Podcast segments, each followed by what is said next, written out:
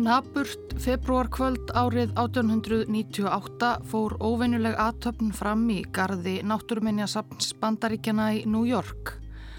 Nokkrir starfsmenn sapsins söpnuðust saman í gardinum í ljósaskiptunum með þeim var smávaksinn 8 ára drengur. Drengurinn grétt því hann var orðin munaðarleysingi.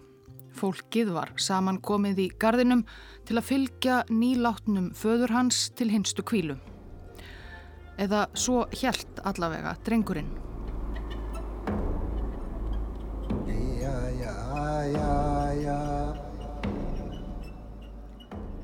Ágæti hlustandi þetta er annar þáttur um æfi grænlendingsins unga sem kallaður var Mínik Wallace.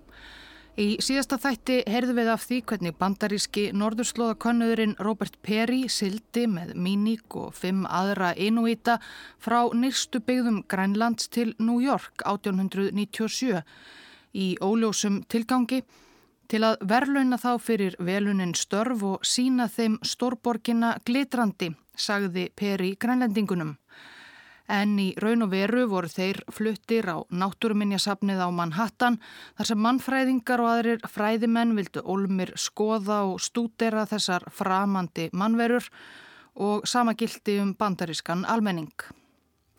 Fjórir grænlendingana létust úr berglum eða lúnabólgu skömmu eftir komuna til bandaríkjana, fadir Míniks litla Kísúk þar á meðal. Einn fekk far með skipi Perís aftur heim en Míník varð eftir í umsjá Williams Wallace sem gengdi stöðu umsjónamanns bygginga náttúrumeinasapsins. Með Wallace fjölskyldunni ólst Míník upp sem bandarískur drengur og hann undir sér vel fyrstum sinn en þegar hann komst á táningsár varðan þungur í skapi og einmanna. Ekki síst eftir að Míník komst að sannleikanum um föður sinn.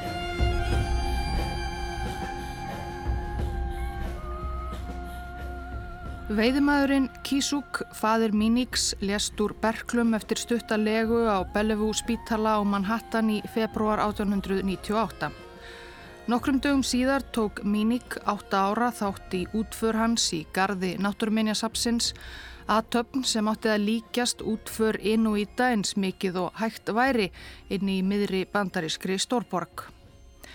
Littli drengurinn, nú orðin munaðaleysingi, hafði jú kynst dauðanum áður og vissi hvernig þetta átti að ganga fyrir sig.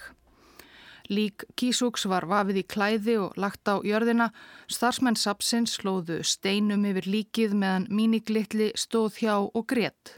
Hann gerði tákn með fingrunum yfir gröfinni til að tryggja að sál föður hans kæmist yfir í heiminn á handan. Míník hafði síðan heimsótt gröfina af og til, en þar lág fadir hans alls ekki. Starsmenn Náttúrminjasapsins höfðu vafið trjádrömb í klæði og sett útfarar aðtöfnina á svið til að blekja litladrengin. Veiðimaðurinn Kísúk var nefnilega ekki einu sinni dáin þegar fræðingar Náttúrminjasapsins voru farnir að hugsa sér gott til glóðarinnar að krukka í líki hans. Þetta var á þeim tíma sem vísindamenn töldu sig geta komist að ímiskonar sannleika með því að til dæmis mæla höfuðkúpur fólks hátt og látt. Ales Hörlikka, læknir og mannfræðingur frá bæheimi hafi stúderað grænlendingana í lifanda lífi og taldi það mikið happ að geta rannsaka þá dauða líka. Hann gaf meðal annars út greinina Heili Eskimóa í vísindariti árið 1901 og nafngreindi meira að segja eiganda heilans kísúk þvert á venjur. Og aðrir líkamslutar veiðmannsins voru líka ítarlega stúteraðir. Síðan var holdið strípað af beinunum og beinagrind kísúks komið fyrir í geimslu á náttúrumeinasafninu. Veiðmaðurinn Núktak, seðkonan Atangana og dóttir þeirra Aviak 12 ára fengu svipuð örlög þegar þau gáfu upp öndina. Atangana hafi látist fyrst og eiginmaður hennar Núktak krafist þess að hún fengi almennilega útförað grænlenskum sið. Sapnverðirnir settu því aðra fals útför á sviði gardi sapsins, ornir vanir í þessu. Á meðan Núktak taldi sig hveðja eiginkonu sína, lá lík Atangönu á krupningarbekknum í læknadelt Kolumbíaháskóla. Þegar var þá búið að fjarlæga úr henni heilan til frekari rannsókna. Um þessi örlög grænlendingana hafi nokkuð verið fjallað í bandarísku blöðunum á sínum tíma en Míník var þá ekki orðin læs á ennsku og frétti ekkert. Það var ekki fyrir en hann var komin á táningsaldur að hann frétti einhvern veginn, kannski einhverjir skólafélagar hans sem sögðu honum það, að bein föður hans væru til sínis á sapni. Fósturfæðir hans William Wallace sagði svo frá þeim degi. Hann kom heim úr skólanum með villi í sinni mínum eitt snjóðþungt síðdegi og fór skindilega að gráta. Faði minn er ekki gröfinni, saðan. Beinans eru á sapninu. Hann var aldrei samur. Hann var myrkur og erðarlaus. Við sáum hann oft sitja og gráta og stundum mælt hann ekki orð frá vörum dögum saman. Og míník sjálfur? Ég sór þess eið að ég myndi ekki kvílast þar til ég hefði greftrað föður minn.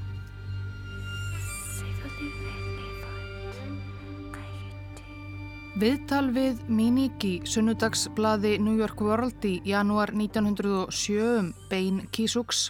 Fyrirsögnin Látið mig hafa bein föður míns vakti að nýju aðtegli bandarísku pressunar og almennings á hennum ólánlega unga grænlendingi. Hann var orðin 17 ára og hafði ekki gengið í skóla árum saman. Fósturfaðir hans, William Wallace, var enn á kúpunni. Hann vann erfiðisvinnu í neðanjarðarlestakerfi New York fyrir lúsar laun. Og náttúruminja sapnið ansaði engu sem fyrr tók enga ábyrð á drengnum. Chester nokkur Bíkroft var leikari og vann við kynningarmál í leikúsum Broadway. Hann var 8 árum eldri en Míník og hafði í gegnum eiginkonu Wallace kynstónum ágætlega nokkrum árum áður. Honum blöskraði þarna hvernig ástatt var fyrir vini sínum og eftir að frett New York World vakti að nýju aðtökli á máli Mínix skrifaði Bíkroft sjálfum Theodor Roosevelt bandaríkjaforsetta og greindi í ítarlegu máli frá Svikum og Sinnuleysi Sapna Yfirvalda og Roberts Peris í Garð Drengsins, vansælt hans fátækt og ráðaleysi. Eitthvað yrði að gera. En það heyrðist síðan lítið frá kvítahúsinu Roosevelt Forseti virtist enda áhuga samari um ítrekkaðar tilraunir Roberts Perry til að flagga bandarískum fána á Norðurpólnum. Það hafði ekki tekist enn, en í april 1906 hafði Perry komist lengra í norður en nokkur annar maður á undan honum.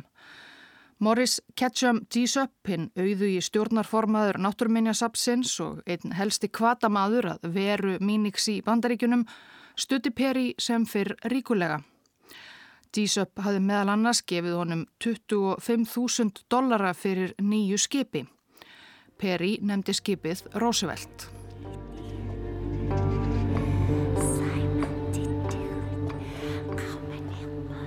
Andlegt ástand Mínix varð verra og verra. Hann var þunglindur og einmanna, hann passaði hverki inn, var ekki alvöru New York búi og líklega ekki heldur alvöru grænlendingur lengur. Heimaland hans var lungu orðið að fjarlæri minningu og móðurmálið glatað. Samt var hann þjakaður af heimþrá. Míník þekkti ekki til fjármála misferðli sinn sem minnst var á í síðasta þætti og hafði orðið til þess að fósturfaðir hans Wallace misti vinnuna á náttúruminjasafninu og fór á hausinn. Míník var því samferður um að vandamál Wallace síðustu árin væru einhvern veginn sjálfum sér að kenna. Í vonum að auðvelda Wallace lífið legði Míník sér herbergi á hrörlegu gistihúsi á Manhattan og flutti þangað einn. Hann vildi í raun bara hætta að vera vinum sínum byrði og komast heim, helst með föður sinn. Wallace er búin að tapa starfi sínu og peningum. Hann er hræðilega fátækur og vinnur eins og þræll, bara fyrir mig. Hann er eini maðurinn sem hefur verið mér góður og sjáuð hvernig ég hef launað honum. Ég hef gert hann alls lausan. Í þrjú ár hefur mér langað að fara og vinna til að hjálpa honum. Ég er til að gera hvað sem er. Ef ég get ekki unnið eða látið þá sem bera ábyrð á veru minni hér gera eitthvað, get ég að minnstakosti farið út í skóa Kanada og týnst þar og gefið aumingja Wallace frænda tækifæri. En áður en ég fer vil ég að sapnið láti mig fá líkamsleifar föður míns, kajakinans og bissuna.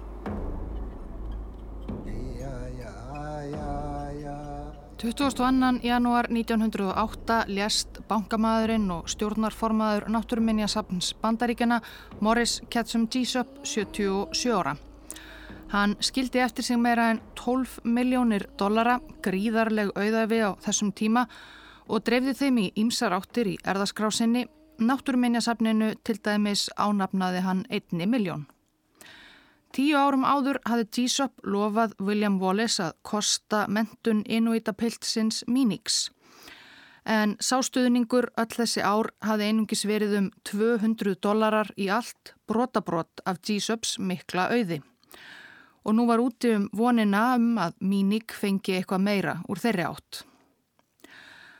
Sapnstjóri Náttúrminjasapsins Hermon Bumpus sem hafi tekið við stjórn Sapsins eftir að grænlendingarnir komu til New York vildi áfram ekkert kannast við mál Mínix og Kísúks.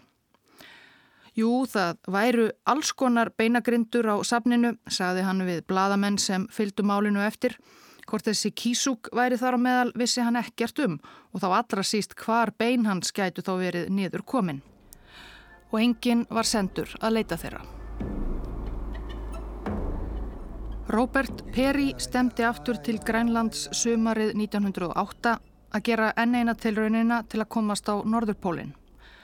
Þegar Míník frétti af því byðlaði hann til Perrys að fá að sigla með honum heim. En Perry tók honum kuldalega.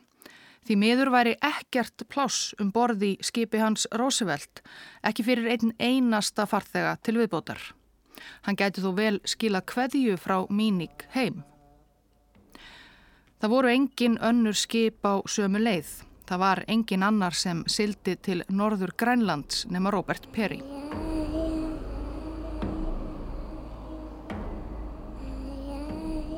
Það var eftir neitunina frá Perry, manninum sem hafi flutt Míník til bandaríkjana áratug áður, sem ungi grænlendingurinn gafst endanlega upp. Hann skrifaði vini sínum og velgjörðarmanni Chester Beecroft. Ég sé enga möguleika í New York og ég vil ekki lengur vera byrði á þér. Þú myndir halda áfram að hjálpa mér og mér liði líka ömurlega með það. Svo ég ætla að gefa þér tækifæri. Þeir á sapninu ætla ekki að láta mig fá lík föður míns. Þeir standa aldrei við orð sín. Mér er misbóðið og ég ætla að segja skilið við þetta allt saman. Ekki hugsa út í það hvar ég er. Ég er bara á leið norður. Ég með heimþrá og þegar Perry saði mér að hann hefði ekki pláss fyrir mig, misti ég vonina. Ég er búin að gefast upp á að þín kristna trú sé nokkuð fyrir vesalings eskimóa eins og mig. Eftir allt saman er mitt eigið fólk vætna og mannúðleira og ég ætla heim. Þín siðmenning hefur ekki verið mér og mínum til neins nema ama, verður blessaður. Með örfáa dollara í vasanum hafi Míník lagt af stað. Í norður, bara eitthvað í norður, það var áttinn heim. Hann gekk svafundir berum heimni eða stalstinn í útihús, húkaði sér far með lestum, betlaði fyrir matarbita. Ferðalagið tók á, Míník hafði alltaf verið tæpur til heilsunar. Þegar hann hafði ferðast vikum saman og var komin yfir landamærin til Kanada var hann hrakin og veikburða og hann var orðin sannferður um að hann kæmist aldrei alla leiðina heim. Eftir þrjár blöytar og kaldar nætur í gömlum báti sem hann rakst á við Árbakka fyrir utan Montreal fekk hann inni hjá gamalli konu sem bjó í kofa í grendinni. Þar settist hann niður og skrifaði Bíkroft vini sínum annað bref, bref sem hann ímyndaði sér að yrði hans síðasta. Því ef hann kæmist ekki heim þá vildi Mínik ekki lengur vera til. Þetta verður líklega mitt síðasta bref. Þú getur ekki ímyndaðir hvað ég er sorgmættur. Það getur engin nema þeir sem hafa verið fluttir að heiman og fadir þeirra dáið og verið settur á síningu og skildir eftir til að svelta í ókunnugu landi. Ég er sjúkur og veikburða og hef engan styrk lengur til að berjast við þessa yfirþyrmandi löngun til að deyja. Bless kæri vinnur. Ef ég næ ekki einhver í helsu og finn einhverja leið til að koma mér heim fyrir næsta mánudag, svifti ég mig lífi. Þú veist að ég stend við orð mín. Ríka fólkið hér byggir hús fyrir ketti en bauð einhver mér vinnu. Bara þú og Voles frændi. Mitt síðasta orð til þín er takk.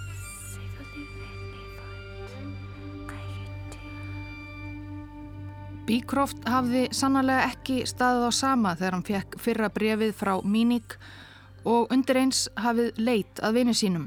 Hann sendi símskeiti á lauruglu yfirvöld í öllum helstu bæjum norður af New York um að hafa augun opinn fyrir grænlendingnum og hafði samband við alla þáir eitthvað þekktu til Míníks. Þannig komst Bíkroft loksað því að sérst hefði til Míníks í Montreal, ekki lungu eftir að hann fekk daburlegt brefans þaðan í hendur. Láreglan í Montreal hafði þá reyndar þegar haft afskipti af Míník, sínilega aðkomu maður og ítla til reyka en Míník logið því að hann væri bandarískur frumbyggi, Mohikani, á leið til Quebec að hlaupa þar marathón. Míník notaði sömu lígi á mannokkurn sem kifti í kjölfarið handa hlauparanum lestarmiða til Quebec.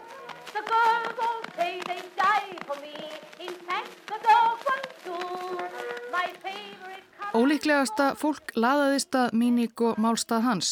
Vesta Tilley hafi lesið bladagreinarnar um leit Míníks að beinum föður síns. Hún var leik og söngkonna frá Englandi sem þarna kom fram í leikhúsum Broadway.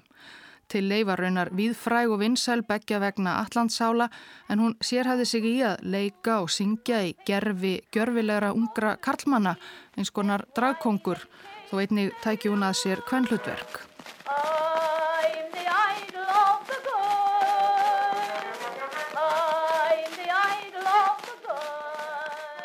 Tilly var og einn auðugasta kona Englands.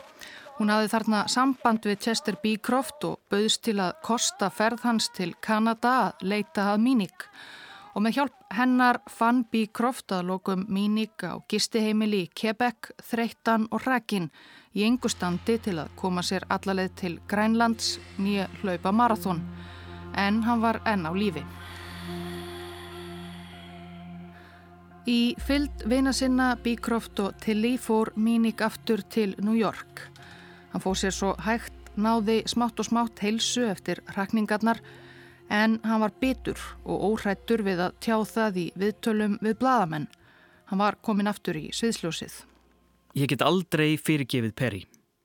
Ég myndi vilja sínunum eðilegginguna sem að hann hefur valdið. Ég myndi skjóta hann og forstuðumann náttúruminjasapsins en ég vil að þeir sjáu hver miklu sangjarnari ég vilti Eskimóin er en þeir upplýstu kvítu menninir. Robert Perry þurfti ekki að óttast hemdar aðgerðir í byli því hann hafði lagt af stað áleiðis á Norðurpólinn síðsumars 1908 og síðan ekkert spurst til hans. En velgjörðamenn hans í félagskapnum Peri Arctic Club voru að skipulegja leiðangur á norðvestur strönd Grænlands til hans með kól og vistir til frekari afreika. Þó Peri hafi tekið míník fálega fyrir brottför tókst Bíkroft að telja Peri-klúpin á að leifa grænlendingnum að fylgja með norður á bógin með byrðaskipinu. Það var betra að losna við míník, hugsuðu Peri Vinir eflaust núna, fyrir ekki að hafa hann sífelt gasbrandi í blöðunum að kasta rýrðáinn hugtjarfa heimskautakönnuð. Ræðismadur Danmerkur í New York var líka farin að þefa af máli míníks. Formlega séð var míníkjú danskur þegn. Það yrði vandræðalegt ef mál hans yrði einhvers konar milliríkjadeila að auki. Svo að Míník Kvattiloks New York í júli 1909 og sildi til Nýfundnalands þaðan sem byrðaskipið Gini stemdi til Grænlands. En áður en Gini lagði úr höfn 3. ágúst var einum farþega gert að skrifa undir sérstakann samning. Það var auðvitað Míník sem þurfti að skrifa upp á að hlýða með öllu skipunum skipstjóra. Svo var leitað í farangri hans svo hann væri nú örglega ekki með neinn skotvopn til að leita hemda. Um borði Dini var einnig bref sem eiginkona landkönnaðarins Josephine Perry sendi manni sínum. Þar skrifaði hún meðal annars Ég vona að þú takir mínig á knið þér og hýðir hann þar til hann grátbyður um miskun. Ekki leifa honum að snúa aftur til Ameríku undir neinum kringumstæðum. Það síðasta sem Míník hafði reynd að gera áður en hann lagði af stað frá New York var að fá að sjá bein föður síns á náttúruminnarsafninu. En þar kom hann að lokuðum dyrum en einu sinni fekk Korki að fá beinin með sér nýja hvaðja þau. Grænlendingurinn vandaði bandaríkjamönnum ekki hvaðjurnar í sínu síðasta bladaviðtali. Þið eru kyn glæpamanna. Ég veit að ég næ aldrei beinum föður míns af náttúruminnarsafninu. Ég er svo sem ánæður að koma spurt áður en þeir hrifsa úr mér heilan og tróðunum í krukku. Eftir þryggjaveikna siglingu kvöldið 22. ágúst 1909 sildi byrðaskipið Gini inn Melville flóa á norðurströnd Grænlands. Miðnætur sólinn Skein og Míník var fyrstur til þess að koma auga á skip Peris Roosevelt við ströndina. Peri sjálfur stóð á þilfari í loðskinsklæðum. Það voru líka nokkrir inúítar um borði Roosevelt aðstóðarmenn Peris. Þeir ráku upp stór augum þegar þeir sáu innan um kvítnefjana á Gini, smávaksinn, dökkleitan ungan mann. Hann leit út fyrir að vera einn af þeim. En þegar grænlendingarnir á Roosevelt kölluðu til hans, virtist hann ekkert skilja. Míník hafi dvalið í 12 ár í útlöndum og hafi fyrir löngu síðan glemt móðurmáli sínu. Með hjálp Kvítnefja sem kunnu eitthvað í máli innfættra var hægt að kynna ungamannin. Þetta var sonur veiðumannsins Kísúk sem hafði silt söður fyrir svo mörgum árum síðan. Munaðarleysingin Míník. Landar hans tóku týnda sininum fagnandi. Já, já, já, Gini sildi svo aftur söður. Roosevelt fylgdi í kjölfarið með Robert Perry um borð. Könnuðurinn kvatti norðvesturströnd Grænland sem hafi verið hans annað heimili í næri tvo áratögi. Hann hafi enda loks náð takmarki sínu, sagði hann, fyrra á árinu. Þegar Perry var komin heim til bandaríkjana í septemberbyrjun básúnaði hann að hann hefði í april 1909 ferðast með nokkrum innvítum á hundasleða og komist alla leið á sjálfan Norðurpólinn. Hann var þó seitt til. Gamal samferðamæður hans og keppinautur, bandaríski læknirinn Fredrik Cook, hafi líst í yfir örfáum dögum áður að hann hefði komist fyrstur á Norðurpólinn frá Grænlandi ári fyrr. Báðir könnuðir ráku málsitt í bandarísku pressunni næstu vikur og mánuði og meðan var Míník að fóta sig í nýjum veruleika.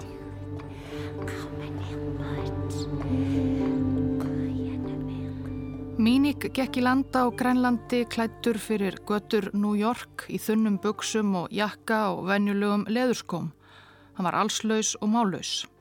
En fræntfólk hans hafði aldrei glemt drengnum sem sildi söður fyrir tólf árum.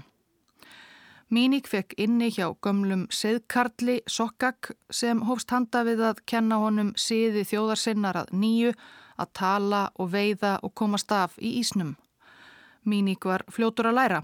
Tveimur dögum eftir endurkomu sína til Grænlands fór hann í fyrsta veiðitúrin og draf sinn fyrsta sel. Von Bráðar með hjálp gamla seðkarlsins var hann orðin fær veiðimaður og fær hann að gera sig skiljanlega ná móðurmáli sínu. En hann var einmanna einhverja síður, fannst hann enn öðruvísi og utangarðs, rétt eins og hann hafi verið í Ameríku, þó nú væri hann komin heim. Rúmu ári eftir að hann flutti aftur heim í september 1910 fekk hann tækifæri til að senda bref til Chesters Beecroft félaga síns í New York. Hann var þá enn upptekinn af örlögum föður síns og sínum eigin. Báðir endar jarðarinnar og miðja hennar væru að mínum að þið ekki virði þess verðs sem hefur verið fórnað til að finna bara eitt pól. Sjáuðu all beinin. Hvar er faði minn? Akkur get ég ekki lengur komist af þar sem ég fættist. Og ekki heldur komist af þangað sem ég var fluttur nöðugur. Af hverju er ég tilrönumdýr hér og þar? Sár kvalinn, æsíðan kvíti sjóranningin gerð mig að bjargarlausum munaðarleysingja. P.S. Ég býst við að það verði kvít jól hér. Haustið 1910 settu tveir vinir frá Danmörku upp verslunarstöð við Jórvíkurhöfða á norðvesturströnd Grænlands sem þeir kalluðu Túle. Knúð Rasmussen var einn fjörði grænlendingur með óbylandi áhuga á náttúru og menningu Grænlands, líkt og vinur hans, hávaksinn, maður og lítiríkur karakter að nafni Peter Freuchen. Míník bjóð þá í grendu túlistöðina og fór að sinna ímsum störfum fyrir danina tvo. Þeir kunnu vel við þennan sérstaka inuíta sem talaði reybrennandi ennsku eins og argast í New York búi og kunni bandaríska siði en líka veiða seli og reka hundastleða eins og heimamenn. Í oktober 1911 kynntist Míník konu. Það var komin tími til, hann var þá um 21 ás gamall, löngu komin á kiftingaraldur og þráði að vera jafnokki jafnaldra sinna. Hún hétt Arnan Guak og hafði vakið nexlan prestsins á sveðinum, sér að Gustaf Olsen, þar sem hún deildi þá húsakinnum með fjórum ungum körlum og svaf hjá þeim öllum. Almennt fór hisspursleysi innúíta í málefnum ástar og hjónalífs mjög fyrir brjóstið á kirkjunarmönnum og mörgu öðru aðkomufólki. En Arnan Guak og Míník giftust, það var nóg að segja það, krafðist engrar aðtapnar eða annara formlegheita, og Míník og hinn danski Peter Freuchen reistu lítið hús við hlið Túle Veslunarstöðvarinnar þar sem ungu hjónin sváfu á neðrihæðinni og danin í resinu. Hjónabandið gekk þó brösulega frá byrjun. Arnan Guak virtist ekki hafa áhuga á neinu nema að liggja í bælinu og sofa. Míník leittist hún óskaplega og fór í tíðar veiðiferðir sem urðu sífælt lengri og lengri svo hann þyrti ekki að vera heima með sofandi konu sinni. Þau skildu svo áður en langt um leið. Óþart er að kynna Petur Fröykinn ítarlega. Hann er svo kunnar á bókun sínum og bladaskrifum að þess gerist hæpast þörf. En hlustendum til fróðlegs skal ég segja frá því hvernig hann kemur mér fyrir sjónir. Ég hef aldrei séð hann fyrr Þetta er hávaksinn maður, gerfilegur, allskeggjaður, andlitið kröftugt og svipurinn allur góðmannlegur. Hann er einfættur og hann misti fótinn af völdum Karls við Höldssonflóa endur fyrir löngu. Jón Magnússon lýsir hér Petter Freuchen í frettauka ríkisútarsins þegar Freuchen heimsótti Ísland 1957. Bækur hans um æsileg ævintýri á norðurslóðum nutu mikill að vinselda í íslenskri þýðingu líkt og í Danmörku og víðar um heim. De har skrevet en mængde bøker, ikke sant, om Grønland og de arktiske ja, øyne. Jeg har skrevet en del bøger i alt 27, ja, så, ja. men uh, de har ikke været om Grønland alle sammen. Nej. Uden uh, det, som jeg får lige sige, at jeg har boet så mange år i Grønland. Jeg har altså været på videnskabelige ekspeditioner rundt omkring. Þarna um 1910-11 voru þeir Míník og Freuchen sem sagt ágætis vinir og deildu húsnæði. En í bókunum sem Freuchen skrifaði síðar fyrir hann hörðum orðum um Míník. Hann var óáreðanlegur, vannþakklátur, grátgjarn, þjóvóttur, drikkfeldur, ómögulegur á flestan hátt. Lýsing sem stemir nokkuð illa við það hvernig aðrir sem þekktu Míník lístu honum, þó auðvitað hafi hann verið breyskur mjög. Til er kenningum það hvers vegna Freuchen varð svona illa við Míník. Ekki löngu eftir að Míník tók saman við hinn að Siviuðu Arnan Guak giftist Freuchen vinkonu hennar Nava Rönu. 16. júni 1916 fætti Navaranna Freuchen Són sem fekk nafnið Mekkusak eftir föður hennar mögnuðum seðkarli. En flestir veittu því aðtegli að litli drengurinn var dökkur á hörund, leitt sem sé ekki út fyrir að vera blendingur heldur inuíti í báðarættir. Það var orðið á Ísnum að Míník væri raunverulegur fadir Bartsins og um svipað leiti fór Peter Freuchen að leggja fæða á þennan fyrrum félagarsinn. Hann ól þó drenginu sem svonsinn. Í ágúst 1913 byrtist að nýju bandarist skip við strendur norðvestur Grænlands. Guðskipið Díana flutti norður hóp vaskra bandaríkjamanna sem komnir voru til að kortleggja áður óþægtan landmassa sem Robert Perry hafi komið auga á í fjarska á leiðsynni á Norðurpólinn og nefnt Krokkerland eftir bankamanninum George Crocker sem styrti leiðangur hans. Leiðungustjóri var Lærisveitn Perrys fyrir mentaskólakennari að nafni Donald Macmillan. Hann var stórhuga og gerði sér jafnvel vonir um að finna á hennu ísilagða krokkerlandi áður óþægtar dýrategundir ef ekki hreinlega framandi tegundir af mannfólki. Jæja, Macmillan og menn hans gerðu sér bækistöðvar meðal inúítana á norð-vesturhortni Grænlands. Einn tók þeim sérstaklega fagnandi, Míník. Loksins gata nátt almennilegar samræður á ensku ekki þeirri bjöguðu ensku sem danirnir tveir á túlistöðinni töluðum. Ásamt fleiri innvítum tók Mínix og þátt í leit bandaríkjamannana að Krokkerlandi sem bar reyndar engan árangur. Þeir fundu ekki neitt. Krokkerland var ekki til.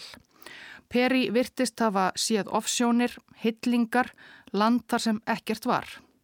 Reyndar er nútalið enn líklegra að Peri sem let sannleikan sjálfnast vefjast fyrir sér, hafi hreinlega logið til um að hafa séð eitthvað landi fjarska til þess að sleikja sig upp við hinn fjársterka bankamann George Crocker og tryggja sér frá honum meira fjármagn. En hvað um það, Crockerlands leiðangurinn var hinn mesta rakfor. Skonnortan Kluett sem var sendt til að sækja leiðangursmenn og flytja heim sumarið 1915 festist í Ís og lagði ekki af stað heim til bandaríkjana fyrir í ágúst 1916. Bandaríkjamennir höfðu þá drepið tíman með inuítunum á Ísnum í um þrjú ár. Og Míník, kannski var það allt návíð við enska tungu og bandaríkjamenn, kannski almennt erðarleysið sem hrjáði hann hvar sem hann kom, hann hafði þá gert upp hugsin. Hann tók sér far með skónortunni Kluett og sildi aftur til stórborgarinnar.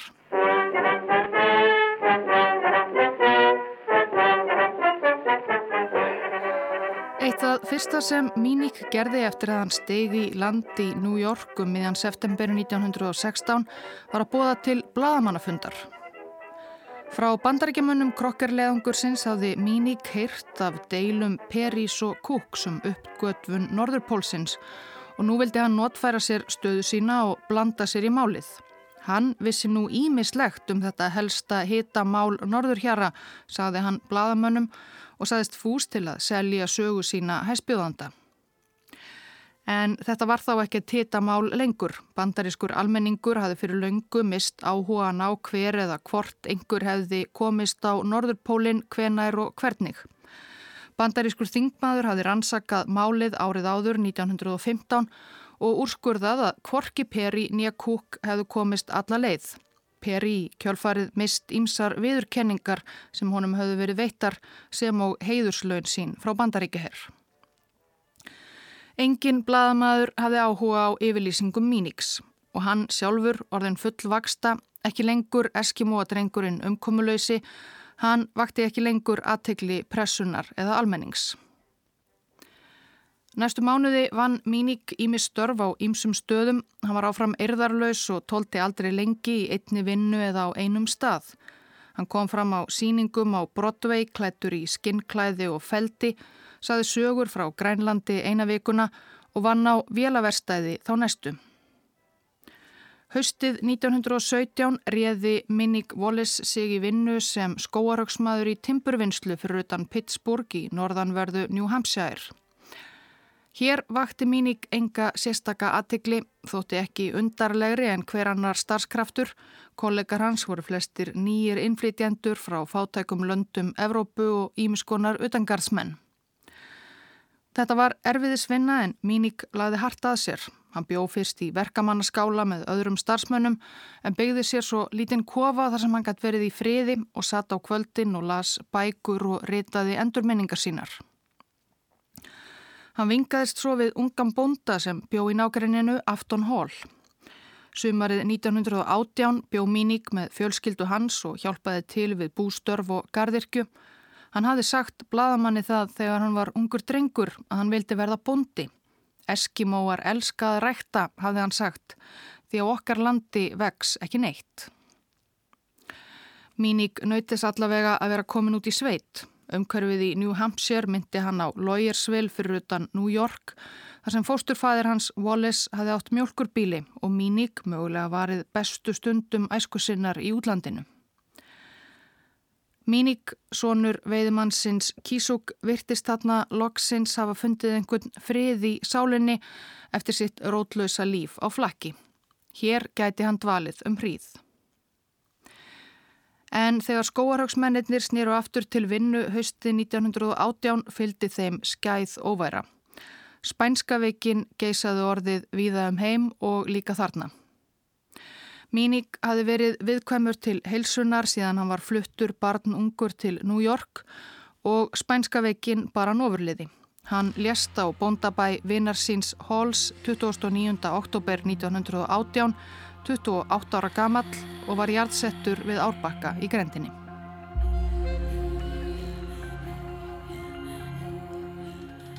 –1997 giftist kanadískur kennari Ken Harper konu af Inuhuit þjóðinni frá norðvestanverðu Grænlandi.